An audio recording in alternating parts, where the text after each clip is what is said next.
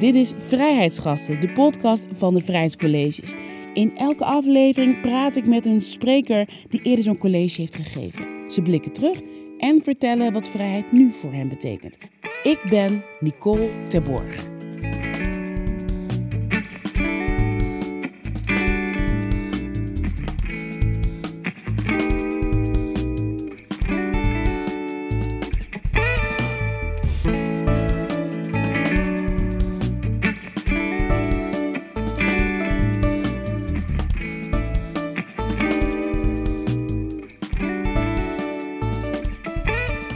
Bij wijze van spreken in een gevangenis zitten en dan je vrij voelen dat je naar buiten kijkt en daar een roodbosje op een tak ziet zitten. Maar de vrijheid die wij bedoelen, dat is in feite een vrijheid die je moet organiseren. Mensen zijn doodsbang voor vrijheid. Vrijheid schept veel meer verplichtingen dan je gewoon ondergeschikt maken aan iemand die precies zegt hoe het zit en dat je verder je snavel dicht moet houden. Totale vrijheid, dat, daar heb je ook niet veel aan. Deze historicus, schrijver, is een veelgevraagd commentator, heeft eigen podcast, een eigen glossy, is jurylid bij De Slimste Mens. Vandaag is de gast Maarten van Rossum. Wat fijn dat u er bent. Ja, fijn. En vlakbij ook nog, want we zitten vandaag niet in Amsterdam, maar we zitten in de stad, in Utrecht, Ja. Tivoli, waar u ook in 2017 een vrijheidscollege heeft gegeven. Maar voordat we beginnen daarmee, wie is de reizende kabouter? Ah, dat de reizende kabouter is een fantasieverhaal wat ik vertel aan mijn kleinkinderen. En de, de kabouter is al jaren op reis. Ik meen dat die gestart is in de Perzische Golf, maar eigenlijk moet je dat aan mijn kleinkinderen vragen, want die hebben er een veel beter geheugen voor dan ik. Want als ik dan weer begin, want er zit natuurlijk voortdurend zit daar soms een vrij langdurige pauze in, zeker nu ook weer. En dan weet ik niet meer waar die eigenlijk was. Hij heeft allerlei avonturen beleefd. Ik dacht dat hij nu ergens in de Jura was, in oosten van Frankrijk. Een relatief lege streek, waar nog wel wolven voorkomen. Een van de thema's is dat hij regelmatig met wolven spreekt die nog in Europa leven. En u zegt er is een lange pauze. Wanneer heeft u uw kleinkinderen voor de Nou, laatste dat- levende lijven gezien? Oh, dan, ik heb mijn kleine dochter vrij recent gezien. Die was ook getest. Maar ik heb bijvoorbeeld mijn jongste kleinzoon nu al zeker anderhalf of twee maanden niet gezien. Hoe vindt u dat? Nou, heel vervelend, eerlijk gezegd. Niet nou dat ik, dat ik ze nou per se elke dag zou moeten knuffelen of zo, maar ja, dat je ze niet ziet is, is vervelend. En mijn jongste kleinzoon is drie, wordt nu in mei vier. Dus dan is natuurlijk elke maand is in feite al, al een eeuwigheid in de ontwikkeling van een klein kind, want dat gaat ontzettend snel. Dus je mist, je mist er veel aan. Hoeveel heeft u er? Hoeveel kleinkinderen? Vier, Vier. Ja, Rijke daar- man bent u. daar blijft het ook bij, denk ik. Ja, zeker. De, deur, de poort is dicht. Ja, nou, mijn dochter, dus de jongste is van mijn dochter en die eh, is al dik in de veertig. Dus dat eh, kan me niet voorstellen dat ze er nog zeven doet. Ik wil even, dat is dus het effect van corona. Ik wil even terug aan het moment dat corona zijn intrede deed hier in, eh, in Nederland. Wat dacht u toen in het begin erover hoorde? Nou, ik meen een vage herinnering te hebben aan Van Dissel die bij Nieuwsuur zat. Dat zal denk ik geweest zijn begin februari vorig jaar. En die zei, nou, dat viel allemaal wel mee. Dat zou ook in Nederland niet zo'n geweldige vaart lopen. Dus je dacht, nou, dat zal in Nederland wel niet zo'n geweldige vaart lopen als Van Dissel het zegt. Die per slot van rekening de directeur van de RIVM is. Ja, toen zijn we toch uiteindelijk, ging dat enorm snel. En, en halverwege maart was het al duidelijk dat we in, in ja, dat die pandemie fors om zich heen gegrepen had. En toen weet ik nog wel, toen was ik, ik zou de bibliotheek hier openen. En toen heb ik uiteindelijk besloten om het af te bellen. Waar ik moeite mee had, want ja, dan bleven zij met dat heel programma voorbereid. Dus ik denk, nou, vrij lullig allemaal. En gek genoeg bleek dat ook de dag te zijn waarop Rutte zei dat alles dicht moest. Dus ik had eigenlijk vrij redelijk gepreludeerd op de onvermijdelijke ontwikkelingen. En waar, wa- waar was u bang voor? Nou, ik was niet zo verschrikkelijk Nee. bang. Kijk wij wonen met z'n tweetjes. Mijn vrouw is net zo oud als ik in een heel groot huis. Het is niet zo dat we elke avond aan huis dansfeest hebben met drinken of zoiets dergelijks. Je moet zich voorstellen dat het eh, eh, voor een niet bela- onbelangrijk gedeelte een bejaardenbestaan is. Ik vond het ook niet zo verschrikkelijk. Want ik dacht eigenlijk vrij snel, ik heb nu drie maanden niks te doen. Dat bleek ook zo te zijn. Ja, alles ging dicht. Eh, Alles wat ik buiten de deur deed, lezingen, theateroptredens, dat was eh, voorlopig van de baan. Dat wordt alsmaar verschoven. Dus nu, nu hoopt iedereen geloof dat het na 1 september dan wel weer kan. Maar ja, met het tempo wat Hugo de Jonge aanhoudt, zal het denk ik nog wel 2030 worden voordat we allemaal gevaccineerd zijn. Dus ik dacht, ik, ik ga een boekje afmaken waar ik al over na had gedacht, maar ik had er nog niet zo verschrikkelijk veel aan gedaan. Eh, en dat heb ik eh, tenslotte afgemaakt. En dat precies drie maanden, toen, toen het eigenlijk weer open ging, eh, toen was het boekje ook klaar. Het was het af. Was het af. Ja. Het boekje had het grote voordeel dat het voor de helft door mijn opa geschreven is. Dat wil zeggen, ik had een heel pakket brieven van mijn opa, die gingen allemaal over het laatste oorlogsjaar in Nederland. Zeg maar herfst 44, 45, voorjaar 45. In september is het boek verschenen. September was dat toch? Ja, in september verscheen. Het boekje heet eh, Allemaal de schuld van Montgomery. Want het gaat natuurlijk van hoe komen we aan de hongerwinter en het feit dat eh, Nederland treurig genoeg een van de allerlaatste bevrijde gebieden in Europa was. Berlijn is twee dagen eerder bevrijd dan Nederland, merkwaardig genoeg. Daarvoor heb ik ook een soort introductie geschreven om een soort raamwerk aan de lezer te bieden van hoe eh, stond Nederland ervoor en hoe waren deze dingen tot stand gekomen.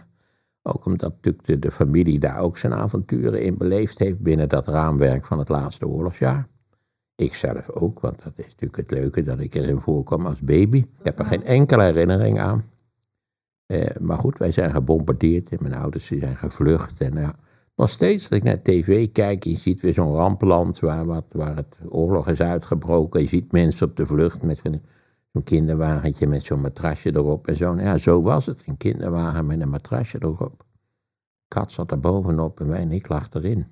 Ja, even terug hè, want voor degene die luistert. U was elf maanden oud, nog hè, bijna geen jaar. U zat, Ja, eh, dit speelt zich af. eh, Het bombardement is van 17 september twe- de- de 1944.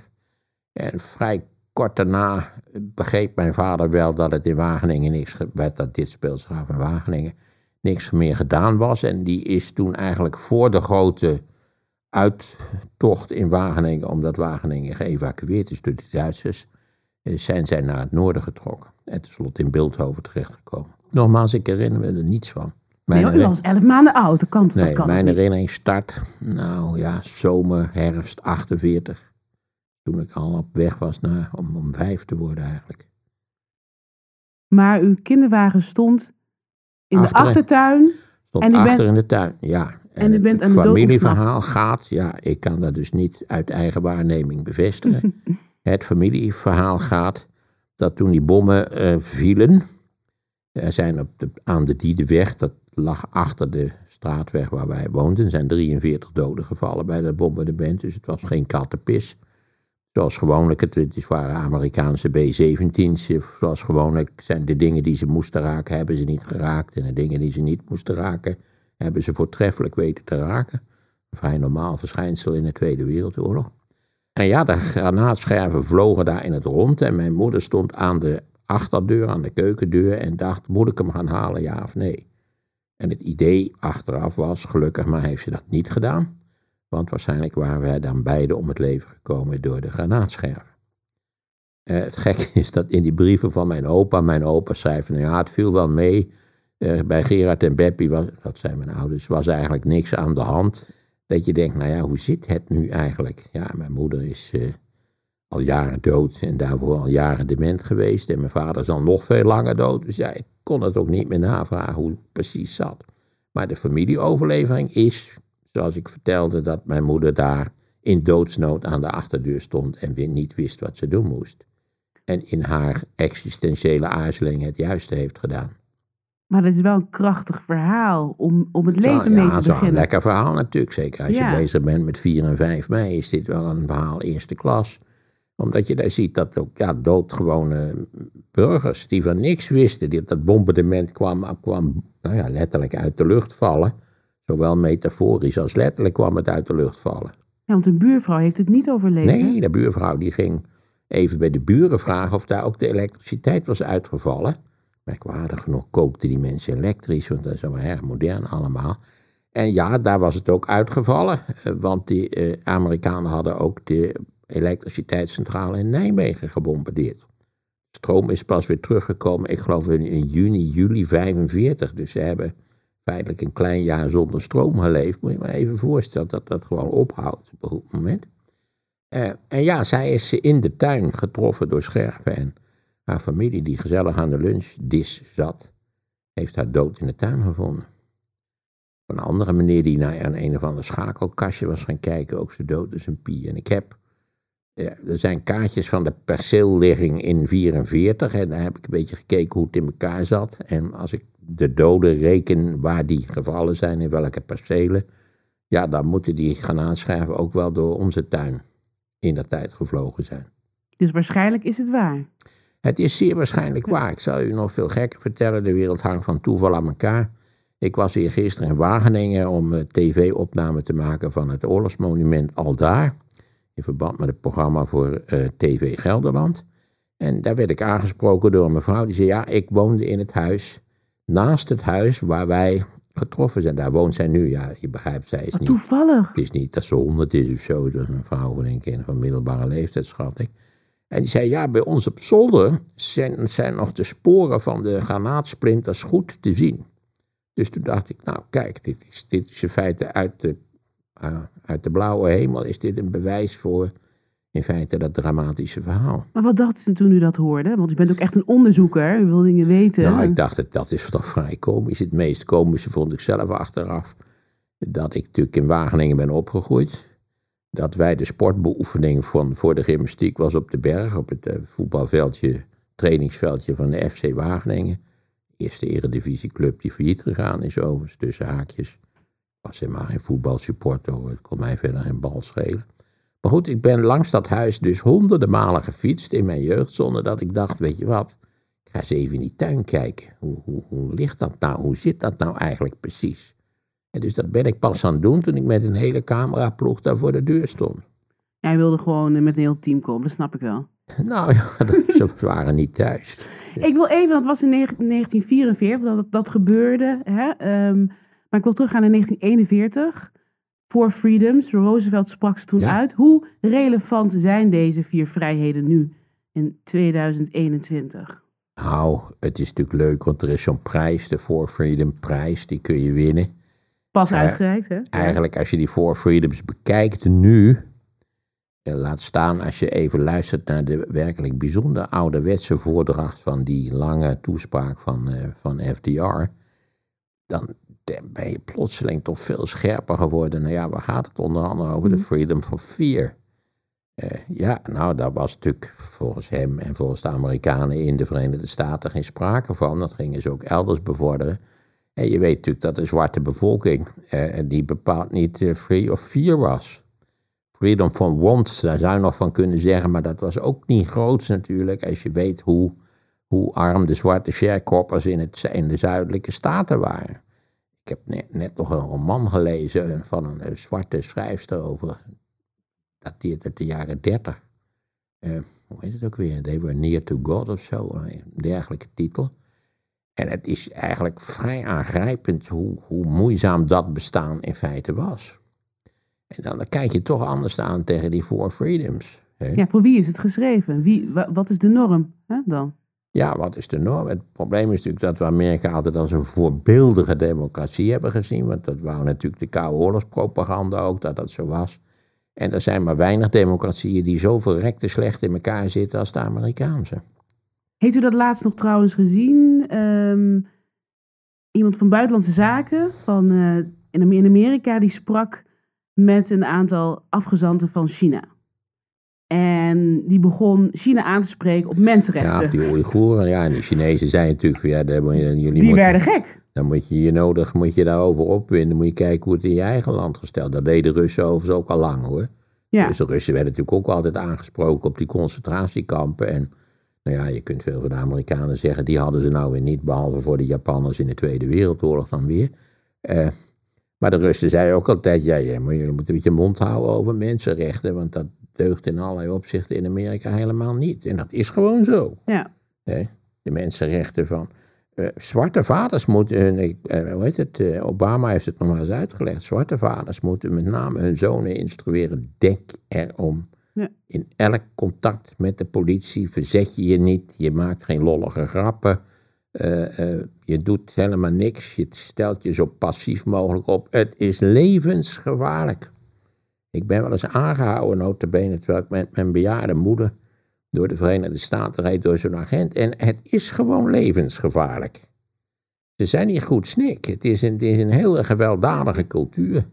En kijk, we hebben nu dus George Floyd gezien daar in Minneapolis. Maar dit is een verschijnsel wat al, al jaren structureel voorkomt. Namelijk de, je kunt niet anders zeggen, de, de, de executie van jonge zwarte mannen op straat. Voor, voor het feit dat hun achterlicht niet brandde. Of omdat ze een grote mond hadden. Of omdat ze sowieso iets deden wat de heren niet beviel. En verandert die gewelddadige politiecultuur maar eens. Dat zou je niet meevallen. Ook, ook hier heb je af en toe incidenten waar je denkt van hallo, waar is dit precies voor nodig? Ja, want die Four Freedoms, u had het net in het licht van Amerika, mensenrechten, dus je kijkt naar zwarte en, witte mensen. Maar hoe zit dat in Nederland als we kijken naar die Four Freedoms? Is nou, daar... freedom from want, dat zie ik in Nederland niet zo. Al, al kun je zeggen, iemand die naar de voedselbank moet, ja, heeft die freedom from want? Ik weet het niet. Ja, dat gaat natuurlijk over huisvesting en, uh, en hè, te eten hebben, armoede. Ja, ja, er zijn natuurlijk ook in Nederland mensen die, en, en dat lijkt mij wel een punt, daar zou ook de overheid uh, veel straffer beleid kunnen voeren. Dat is namelijk kinderen die in armoede opgroeien. En dat, dat leidt ook tot achterstanden die vaak een heel leven lange rol spelen. En, en we zouden er veel beter op moeten letten. We hebben ook de mogelijkheden en het geld om erop te letten dat kinderen niet in armoede opgroeien. En je moet enorm uitkijken dat je ook niet in die, in die val trapt. Dus dat de inkomensverschillen snel gaan oplopen omdat je er eigenlijk te weinig aan doet. Omdat je niet fiscaal corrigeert of wetgeving te zaken aanneemt. Ja, dat zijn allemaal zaken die wel aandacht verdienen. Ja, en met corona lijkt het, dat hoor ik veel vaker, dat de kloof nog groter is geworden. Ja, eigenlijk alle rampen betekenen meestal dat mensen die sowieso al uh, in een achterstandspositie verkeren in de samenleving, dat die achterstandspositie nog nader wordt aangescherpt. Dat is zeker zo. Precies op deze plek in Tivoli gaf u in 2017 een uh, vrijheidscollege. Laten we luisteren naar een fragment. En wat meestal in het licht wordt gezet is dat wij uh, in feite die Tweede Wereldoorlog moeten zien als de belangrijkste historische les die we ooit gehad hebben. Eh, dat dat eigenlijk een eikpunt is voor alles wat we daarna hebben gedaan of nog zouden moeten doen. En dan gaat het in het bijzonder om discriminatie. Dat moeten we dus nooit meer doen.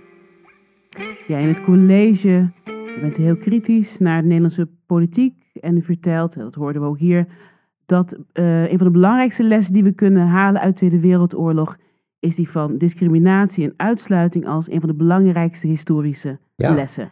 Bovendien, de autoriteiten hebben eh, in, gedurende mijn hele leven, voor zover ik me kan herinneren, op 4 en 5 mei prachtige toespraken gehouden, schitterende retoriek, dat dat nooit meer mocht gebeuren. Dat was verschrikkelijk wat er gebeurd was. En nou de les zouden we hebben moeten leren.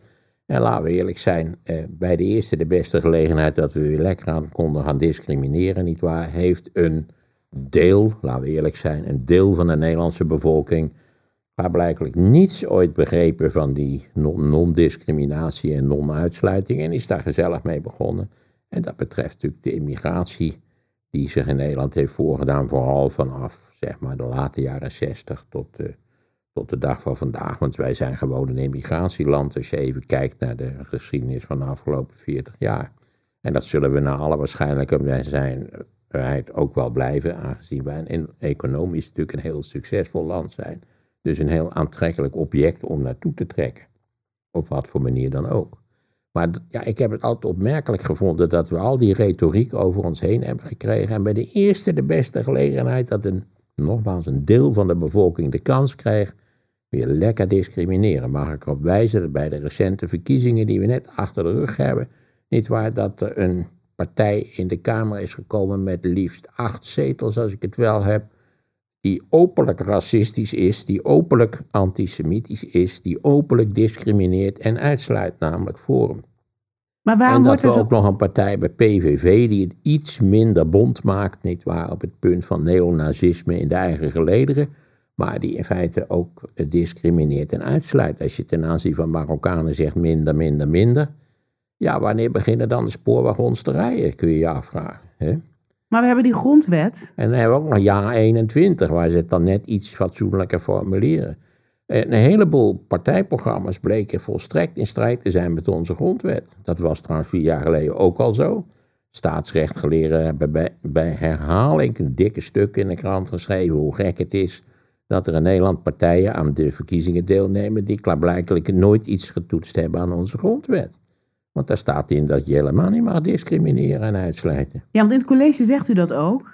De grondwet, dat is het document waar we naar moeten kijken hè, als voorwaarde voor die vrijheid als Nederlanders. Nou kijk, vrijheid op zichzelf is een enorm vaag begrip. Hè? Ja. Ja, ja je, kunt, eh, je kunt bij wijze van spreken in een gevangenis zitten en dan je vrij voelen dat je naar buiten kijkt en daar een roodbosje op een tak ziet zitten. Maar de vrijheid die wij bedoelen, dat is in feite een vrijheid die je moet organiseren. Want eh, je moet weten waar je aan toe bent. Dat we nu al dat gedonder hebben met die zogenaamde verkenners. Dat komt eigenlijk omdat er over de verkenners nooit iets opgeschreven is. Er zijn geen regels voor verkenners. Daarom zei ook Rutte zo treffend, nee, ze hoeven helemaal niet te rapporteren, want ze bestaan eigenlijk niet. Zelf wel komisch natuurlijk. nee, je moet, je moet, de democratie moet je, moet je eh, op schrift zetten. En daarvoor heb je een grondwet nodig. Uh, die kun je wijzigen bij gelegenheid. Zo is het heel lastig om in Nederland de grondwet te wijzigen, want dan moet je in tweede lezing in beide kamers twee derde meerderheid halen. Dus dat, dat is vrij goed afgezekerd tegen allerlei incidentele bevliegingen. Maar toch, je hebt een grondwet nodig. En de meeste Nederlanders hebben nooit van zijn leven hebben ze de grondwet gelezen. Een hele gekke grondwet. Ik geloof dat er wel tien of twaalf artikelen zijn over het staatshoofd bijvoorbeeld. Dat je echt denkt van, ja, als, het, als, de, als het staatshoofd overlijdt, maar de, baby die zijn, zijn vrouw nog in de buik heeft, wanneer die, die uh, levensvatbaar is, dan. Nou, dat, dat soort dingen staan er ook allemaal in. Maar goed, de bekende artikelen, hè, vrijheid van godsdienst, de vrijheid van vergadering, vrijheid van, van het woord, dat staat er allemaal keurig in geschreven. En het gekke is dat allerlei partijen vinden dat, nou dat is mooi die vrijheid, maar er zijn sommige groepen waar we eigenlijk de vrijheid maar eens flink van moesten beperken. Maar om die, de voorwaarden voor heb vrijheid... je nog, wacht even, dan heb je nog een goed functionerende democratie nodig. Want die moet ervoor zorgen dat die politici ook daadwerkelijk zich aan die grondwet moeten houden. En dan heb je nog een onafhankelijke rechter nodig. Heel belangrijk, want je ziet hoe je in Hongarije, Polen bijvoorbeeld. Een van de eerste dingen die zo'n pre-dictatoriaal regime doet, is de hele rechterlijke macht opdoeken en, en eigen mensen benoemen, zoals dat heet. In Amerika ook een bekend principe. Je houdt dus de, benoeming van progressieve rechters hou je op en de conservatieve rechters kunnen er allemaal bij honderden doorheen gejast worden. Dus je hebt een heleboel dingen nodig die allemaal redelijk goed moeten functioneren en op elkaar ingespeeld moeten zijn. Wil je het niet discrimineren? En dan weten we nog allemaal dat er natuurlijk in de dagelijkse praktijk van het leven fors gediscrimineerd wordt. Dat weten we. Ja, dat, is heel lastig om het niet te doen. Dat is echt heel lastig. Ik discrimineer ook wel eens, maar vaak op, op ik denk altijd van als mensen zo'n enorme interesse in voetbal hebben, dan moet het wel ongelooflijke uilskuikens zijn. Hè?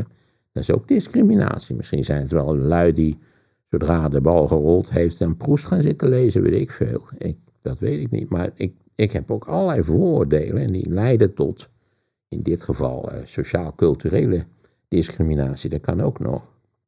Dus voorwaarden om ons vrij te voelen als Nederlanders is die grondwet, natuurlijk handhaving, ja.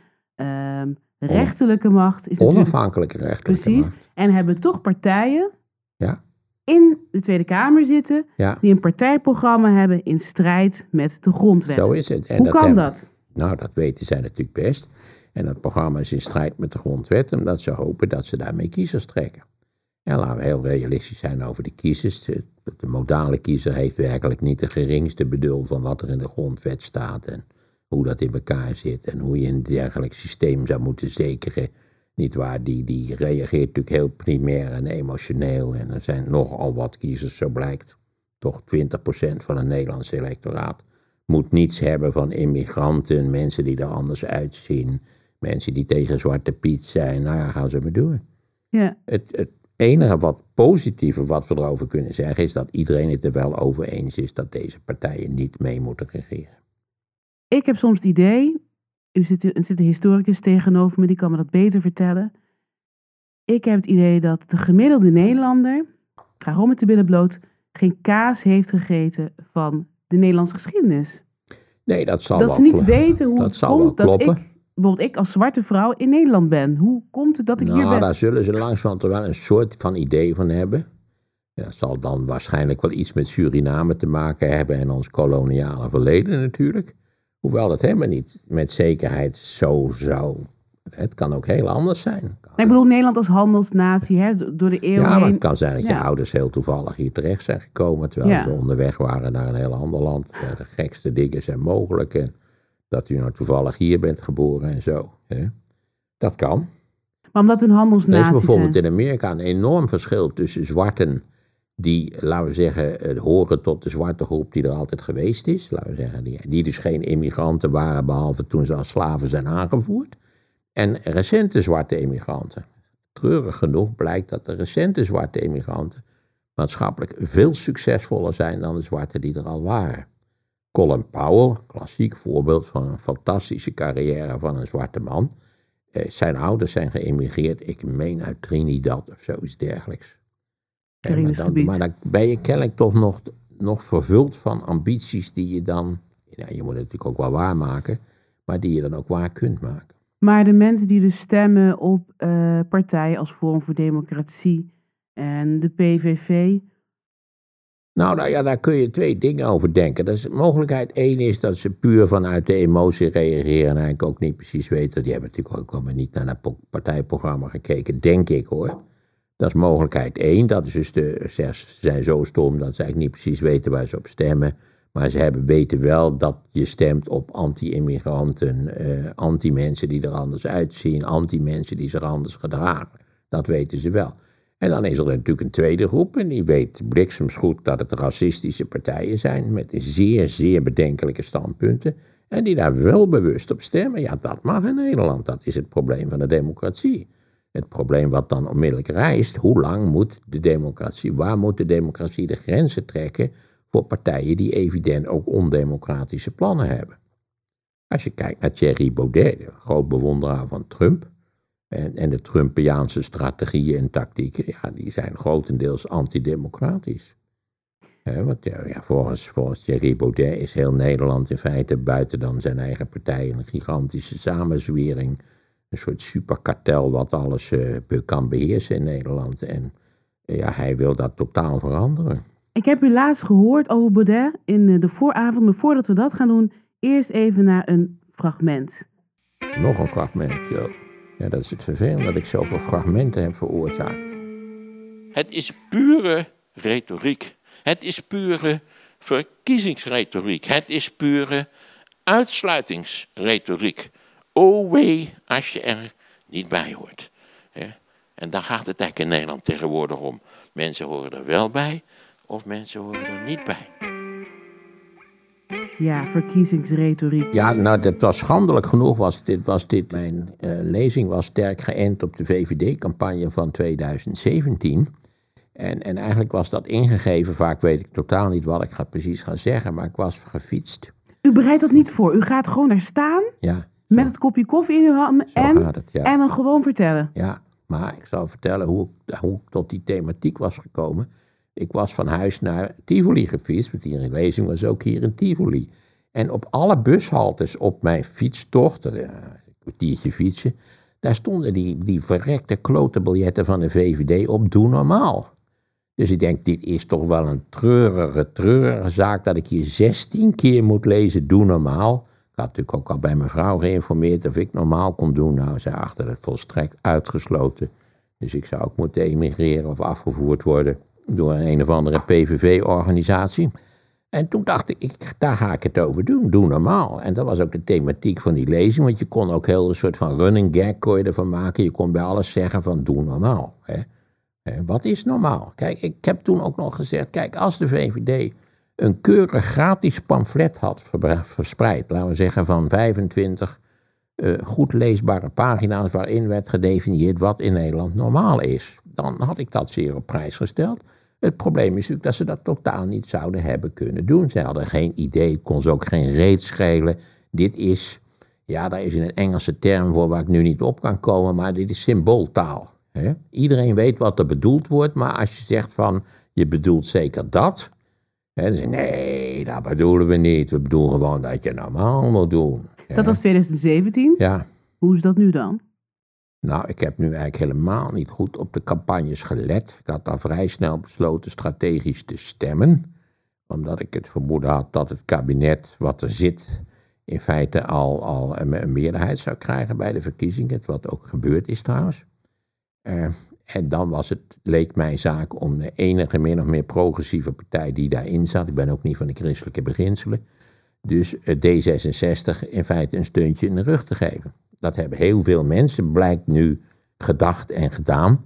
En zodoende is D66 aan een winst van vijf kamerzetels gekomen. En heeft het CDA, de meest onchristelijke partij waar ik ooit van gehoord heb, die heeft vier kamerzetels verloren. Ongetwijfeld geheel terecht. Ja, maar die ingrijpen van de heren.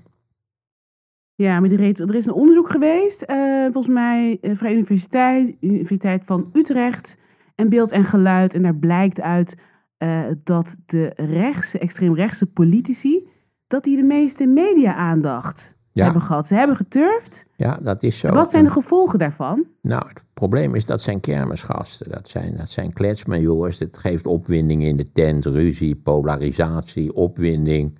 En je ziet dat werkt. We hebben dat natuurlijk met Pim Fortuyn hebben we dat theater al eens een keer eerder gehad. Hè? Pim Fortuyn, als, als Pim op het scherm verscheen, verdubbelde de kijkcijfers. Trump was een zegen voor de Amerikaanse televisiezenders. Een zegen. Die man van NBC, nee, ik weet niet, een van de drie grote zenders zei van het is een ramp voor het land, maar het is een zegen voor onze boekhouding. Hè? Die, die hebben geweldig dik verdiend. De New York Times heeft, heeft eh, ik geloof zijn, eh, zijn, eh, zijn internetabonnee-aantal verdubbeld of zoiets dergelijks. Dus dat heeft, dat heeft invloed dat ze meer te zien zijn. Dat heeft enorme invloed. Want u zat, u zat bij de vooravond, maar ook bij op één. En dan heeft u bij eh, de vooravond had u het erover, heeft eigenlijk Baudet benoemd hè, voor wat hij is. Hij heeft eh, ra- racistische dingen gezegd. Hij heeft anti, anti- Het was daar helemaal niet welkom, dat heeft u zeker wel gezien. Dat Zo- heb ik Het was gezien. helemaal niet de bedoeling dat ik dat allemaal zou zeggen. En Waarom za- is dat zo? Nou ja, omdat ik vond dat de hele... Ten eerste vond ik dat schimmelpanic, hè, want dat was degene die daarvoor uitgenodigd was... een heel sterk argument had. Ja, we moeten even je- schetsen wat er aan de hand was. Het ging natuurlijk over Martijn de Koning, eh, zeg ik het goed? Ja, daar ging het, daar Ja, ging het. Ja, daar die ging het eh, natuurlijk zijn stuk had gehouden, had verteld. Hè, met Ja. Baudet erbij, Baudet die weg Ja. is gelopen. Nou, en dat was allemaal schandelijk gevonden. En, en RTL 4 had zijn excuses gemaakt. En, en hier zaten ze weer te jeren. u zat niet aan tafel. Nee, en ik zat niet aan tafel, maar hier zaten ze ook weer te jeremiëren. Wat zielig voor die Baudet en, en dat weg, die wegloperij. En toen denk ik, dit is toch wel de limit. Want dit is in feite ook een vorm van normalisering van standpunten... die in Nederland gewoon als weerzinwekkend moeten worden beschouwd. Dat zijn ze. Zijn idee En ook voor die weerzinwekkende standpunten waren toch acht kamerzetels. En in feite is ja 21 gewoon, nou ja, eh, ook weerzinwekkend. Alleen hebben ze daar de scherpste randjes eraf geschaafd. Is het genormaliseerd, dit soort gedachten? Het wordt in toenemende mate genormaliseerd. Ik vind dat bijzonder, ik vind dat bijzonder treurig. We hebben goddomme sinds de Tweede Wereldoorlog aanhoudend onze best gedaan om dit soort van standpunten niet te normaliseren. Om iedereen zoveel mogelijk duidelijk te maken wat een ellende eruit voort kan komen als het even de verkeerde kant oploopt. Ja, vergeet niet, de NSDAP in Duitsland had voorafgaand aan de, aan de crisis eh, 2,8% van het electoraat. Hè, als het, als het eh, vier, vijf jaar economisch tegenzit, eh, God mag weten wat, wat voor ellende ons dan te wachten zou staan. Maar bedreigt dit onze vrijheid? De vrijheid van de nou, voorlopig niet. Nee. Want ze staan natuurlijk wel buitenspel. Dat, eh, voor zover er iets nuttigs werd gezet over de verkenners, was wel duidelijk dat geen hond natuurlijk met die partijen wil samenwerken. Maar ze zitten wel in de Tweede Kamer. Ze kunnen wel wetten Ja, tegenhouden. dat is het probleem van de democratie. Want moet je het verbieden? Dat is het grote punt. Moet je het verbieden? Naar mijn idee niet. Maar ik vind wel dat met name eh, al die talkshows en, en al die lui die, die zich met deze problemen bezighouden, aanzienlijk scherper zouden kunnen optreden. Thierry Baudet is geen slachtoffer. Velen zijn het slachtoffer van Thierry Baudet. Ja, u zegt ook, hè, de meest radicale stemmen eh, krijgen de meeste aandacht. Ook bij- Als er bij- maar herrie in de tent is. Dat is toch een hele essentie van de talkshow. Herrie in de tent, ruzie, opwinding, eh, stukken in de krant. Je weet hoe belangrijk ze het vinden dat ze nieuws maken, zoals dat heet. Hè? Als u hier een beetje iets wilt doen, moet u nieuws maken dat ik doodval of zo. Nou, dan eh, heb, je wel, heb je wel nieuws morgen. Dat vinden Maar- ze allemaal hartstikke belangrijk. En ja, ik vond in, die, in dat hele gesprek werd gedaan of Thierry Baudet een slachtoffer was van die Martijn Koning. Konings, ik weet het ook niet precies. Nou, ik vond, en nogmaals, het Schimmelpenninck had haar fijn uitgelegd wat die Martijn Koning had gedaan. Namelijk laten zien aan, aan persoonlijke situaties wat de betekenis is van racistische uitspraken. Prima dat hij dat deed.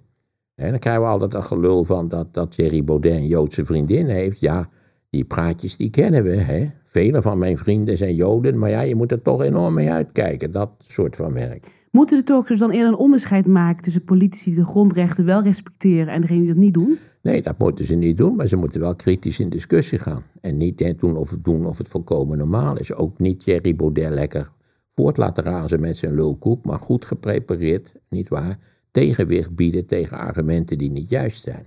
Want ze komen altijd met argumenten waar niets van klopt.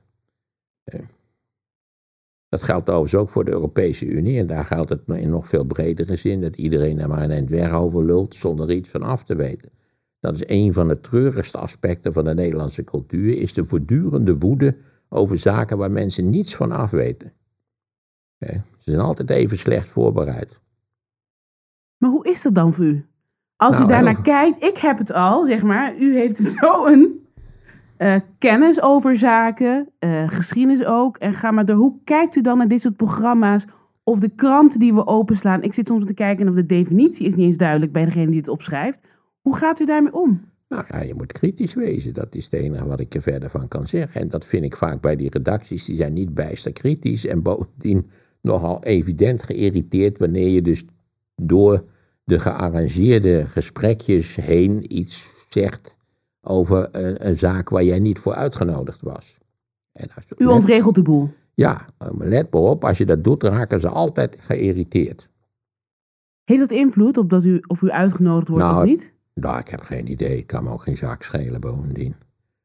Ze- Ze nodigen me uit en dan vind ik dat ik alle vrijheid heb om te zeggen wat ik graag wil zeggen. En als ik vind dat er idiote dingen gezegd worden. Het ging laatst ook over vaccinatie, dat we zouden nu in de top van Europa zitten. Ik zei, nou, daar valt in principe in de praktijk bar weinig van te merken. Dus hoe dat zit, begrijp ik eigenlijk niet zo goed. En nou ja, dat was duidelijk dat dat niet welkom was. Maar we weten nu dat dat eigenlijk een volkomen juiste analyse was. Ja, want die vaccinatie die loopt ontzettend traag. Er zit enorm veel zand in de machine. Namelijk veel te complex georganiseerd. U heeft ook iets gezegd over leiderschap. Uit onderzoek van het Sociaal Cultureel Planbureau blijkt dat ongeveer de helft van de Nederlanders zegt, nou, een sterke leider, dat zou goed uitkomen. Een sterke leider, dat zou goed uitkomen. Waarbij je altijd denkt, laten we dat nou eens in het Duits vertalen. Ja, een sterke leider. Ja, dat is wonderlijk, hè? Ja, Ja, mensen vinden, mensen vinden toch een, een, een leider die toch een soort vaderlijke figuur is, die gezag uitstraalt. wat is dat, een sterke leider? Wat is dat? Nou ja, zoals gezegd, iemand, iemand waar ze bij ze het gevoel hebben dat ze rustig kunnen gaan slapen. Dat is het idee eigenlijk. En dat ze, dat ze zich niet te veel met de zaken hoeven te bemoeien. Eh, Het, het, het, het, het fundamentele benul van, van wat een democratie is en, en de plichten die een democratie, eh, naar mijn idee, bij elke burger eh, veroorzaakt, dat is vaak ver te zoeken. Want natuurlijk, sterk leiderschap, het verlangen daarna is natuurlijk een soort vlucht. Dus escapisme voor de complexiteit van de dingen. En van het, Iemand die het bepaalt voor, de, voor jou. ja, die, je hoeft niet meer na te denken. Je weet hoe het zit. Hebben we in Nederland sterke leiders in de Nederlandse Nee, politiek? godzijdank niet. We hebben allemaal relatieve prutsers. Dus te sterk is dat dat eh, verbindt u aan leiders die het niet het beste met ons voor hebben, maar die gewoon. Nou, die met name niet het beste met de democratie voor hebben. Orbán in Hongarije, een klassiek voorbeeld natuurlijk. Door velen bewonderd overigens. Mussolini in de jaren twintig, breed bewonderd eh, in heel Europa. Zo moest je het doen. Treinen reden op tijd, de Pontijnse morassen waren gedempt. Was het niet allemaal niet geweldig? Ze achteraf uitgezocht of die treinen op tijd reden in Italië. Maar ook onder Mussolini reden ze niet op tijd. Er is nog nooit een trein in Italië op tijd gekomen. Dus dat was toen ook niet zo. Maar ja, dat vinden mensen prettig. Brengt een sterke leider vrijheid? Nee, de vrij... nee, nee, nee, mensen zijn bang voor vrijheid. Daar gaat het nou juist om. Is dat zo? Mensen zijn doodsbang voor vrijheid. vrijheid schept, veel meer verplichtingen, dan je gewoon ondergeschikt maken aan iemand die precies zegt hoe het zit en dat je verder je snavel dicht moet houden. Maar als we kijken naar het Nederland van nu, mensen die in opstand komen omdat er getornd wordt aan de individuele vrijheid. Ik heb niet het idee dat zij, uh, dat, dat de meeste mensen, er zijn ook heel veel mensen die in opstand komen, die elke uh, Ja, gelukkig wel. We hebben een hele open democratie in allerlei opzichten. Uh, we, er zijn open media, je kunt overal je boodschap kwijt. Je kunt een eigen omroep beginnen. Ik zag net dat die dat die Aquasi, dat die, die omroep, dat die voldoende leden had om een, om een eigen omroepje te beginnen. Niet dat dat overigens, naar mijn idee, een vreselijk gelukkige ontwikkeling is. En ook ongehoord Nederland, terwijl ik heb altijd gedacht, ongehoord Nederland, als je in Nederland niet gehoord wordt, dan moet je wel heel erg gek zijn. Waarom is het ongelukkig als mensen een eigen omroep willen? Nou, omdat je natuurlijk dat hele landschap wordt versnipperd in allemaal piepkleine omroepjes. Het is hetzelfde probleem. De, de politiek, nu, toch? Ja. Dat we nu een hele reeks van eenmansfracties in de, in de Tweede Kamer hebben. Ja, dat is allemaal best aardig, maar daar word je verder niet zoveel wijzer van. Het bestuur van het land gaat er ook niet van vooruit. Maar het is wel democratisch. mensen vragen altijd, ben je dan voor een, een, een kiesdrempel? Maar daar ben ik eigenlijk niet zo voor. Ik vind wel dat die geluiden van ongenoegen of kritiek uit de samenleving gewaardeerd moeten worden. Ik hoop ook dat de meeste van die eenmansfracties ook eendagsvliegjes zullen zijn en er weer zullen uitvliegen bij de volgende gelegenheid. Omdat natuurlijk voor een, van eenmanskamerlid, dat is, dat is echt ondoenlijk om daar echt werk van te maken, van het werk wat je daar hebt. Maar wat zegt dat, dat het versnipperd raakt? Dat zegt toch ook iets over nou, Nederland ja, dat, nu? Ja, dat betekent dat natuurlijk de meningsvorming in Nederland ook heel versnipperd is. Daar ben ik op zichzelf helemaal niet tegen. Als mensen hun mening maar laten horen. Maar er zijn wel enge meningen en daar zouden we goed over na moeten denken wat de mogelijke consequenties zouden kunnen zijn van die meningen. Niet waar? Als die nog iets breder verbreid zouden raken. Nou, heeft, is wel onderzocht. En ik heb begrepen dat, dat politicologen eh, constateren dat die, die ultra-rechtse stem in Nederland toch niet veel meer is dan 20% van het electoraat. Maar dat is toch in potentie 30 kamerzetels. Ze hebben er nu geloof ik 28 of zo. Ja, met de meningen je van moet, hem... Eh, je moet wel hopen dat dat niet meer wordt. Ik wil even naar u persoonlijk gaan. Oh? Naar ja. Vrij. Wanneer voelt u zich vrij? Nou, ik voel me eigenlijk elke avond vrij als ik mijn avondwandelingetje ga maken. Ja, god, ik ben gepensioneerd. Dat maakt natuurlijk al dat je relatief vrij bent. Ik heb een geweldig pensioen, mijn vrouw idem dito. En wij kunnen doen en laten waar we zelf zin in hebben in principe. Als we niet opstaan en in bed blijven liggen, is het ook goed. Eh, ik, ben, ik vind altijd dat je naar een bepaald... Ik denk altijd eerst, weet je wat, ik blijf liggen. Ik kan het verdomme per slot van rekening. En maar na enige tijd sta je toch op, omdat ja, je hebt zin in koffie, of je wil een banaan eten, of weet ik wat je precies van plan bent te doen. Ik heb nog een heleboel afspraken, dus wat dat betreft kan ik ook niet blijven liggen. Maar laat ik het zo ik voel mij niet onvrij, nee. Ik kan mij kleden zoals ik wil. Maar ik u bent kan zeggen wat ik wil. Uh, ik, ik, ben, ik heb geen baas. Niemand kan mij opbellen en zeggen, zeg, wat is dat voor poppenkast dat je niet om negen uur s ochtends achter je bureau zit. Dat was vroeger ook al niet zo, maar goed, bij wijze van spreken. Maar uh, uw familie, ja, uw zoon en uw vrouw, die zeiden wel eens van hij werkt te hard. Hij zegt geen nee. Hoe is dat nu dan? Nou, dat vinden ze nog steeds. Ja, mijn vrouw is altijd bang dat ik door het werk plotseling dood zal vallen natuurlijk. Begrijpt u haar angst? Niet zo. Niet zo, nee. Als er iets met mijn gezondheid is, dan eh, ben ik graag bereid om even naar de dokter te gaan. Maar zou u niet voor haar iets minder willen werken? Als zij dat zegt, als zij dat Nee, want dan ga ik maar zitten vervelen. Ik moet wel iets te doen hebben, toch? De grootste fout die mensen maken die met pensioen zijn, is dat ze, als ze met pensioen komt eraan, oh, wat een, wat een droom. Ik, heb, ik hoef niet meer naar kantoor, ik hoef niet meer dit of dat. Ik heb permanent vakantie. Niets is zo gruwelijk, niets is zo'n afschuwelijke straf van permanent vakantie te hebben. Daarom heet het ook vakantie, omdat het gewoon maar twee weekjes per jaar is. Dat is ruim voldoende, wat mij betreft in ieder geval.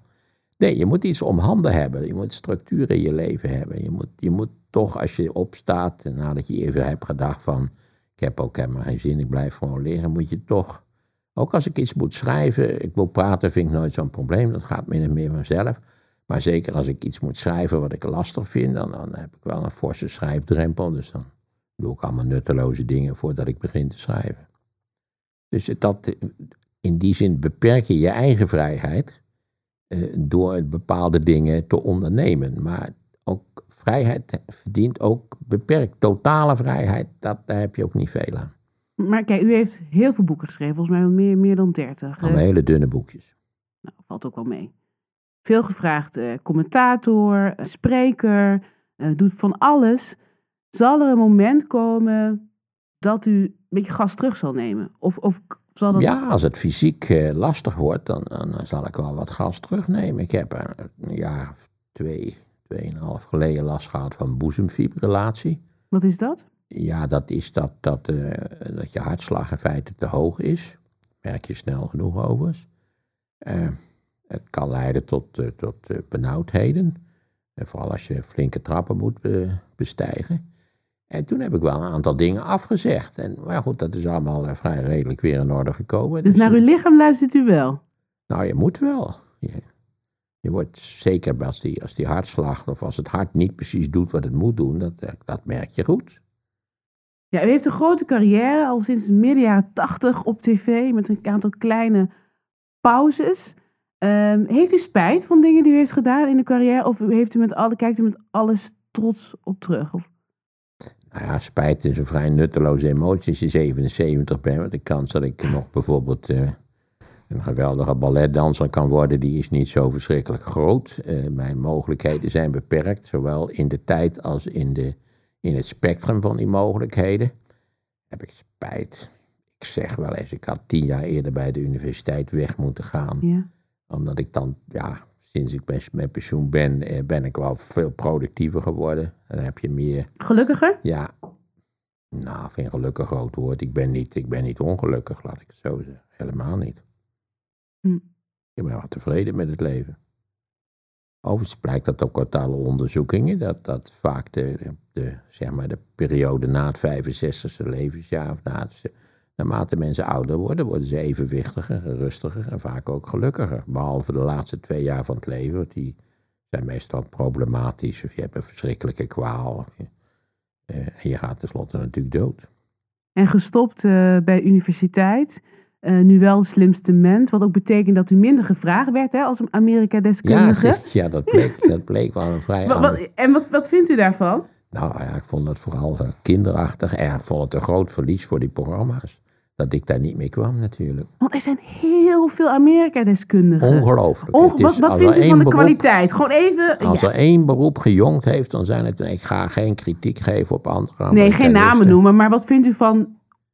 Nou, kijk, het Amerikanist zijn is nou niet zo'n geweldig grote kunst. Want daarvoor neem je, en tegenwoordig is dat een fluitje van een cent, je neemt een internetabonnement op de New York Times.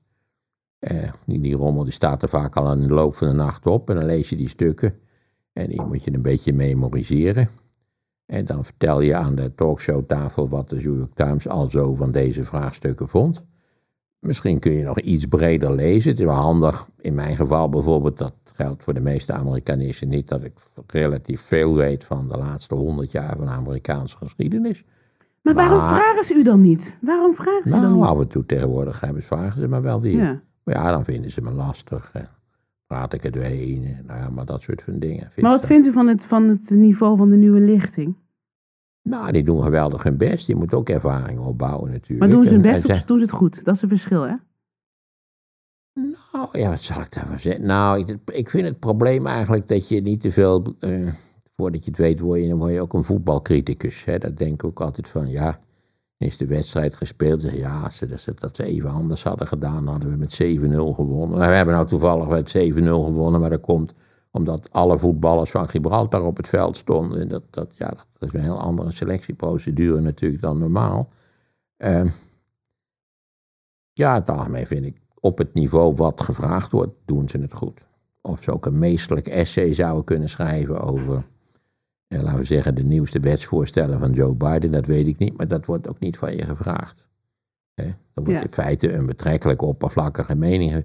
Je zit er ook op te praten. Ik heb ook wel eens gezegd, jongens, eh, Je kunt net zo goed eh, iemand even het, het stukje uit de Volkskrant van vanochtend laten voorlezen, dan dat je mij nu twee minuten aan het woord laat om iets uit te leggen wat eigenlijk nauwelijks uitgelegd hoeft te worden. Nou, gelukkig is er uw podcast eh, om daar meer over te weten. Dank u wel dat u er wilde zijn. En eh, als u het Vrijheidscollege terug wil kijken, dan kan dat op YouTube, die uit 2015 en uit 2017. Dit was Vrijheidsgasten, deze keer vanuit Tivoli in Utrecht. Deze podcast wordt mede mogelijk gemaakt door het Mondriaan Fonds in kader van 75 jaar bevrijding. In de volgende aflevering praat ik met Gijs Tuinman. Ik dank de redactie Marije, Trix en Jelmer en de techniek door Lieve en de muziek is van Steven Ivo. Dank voor het luisteren.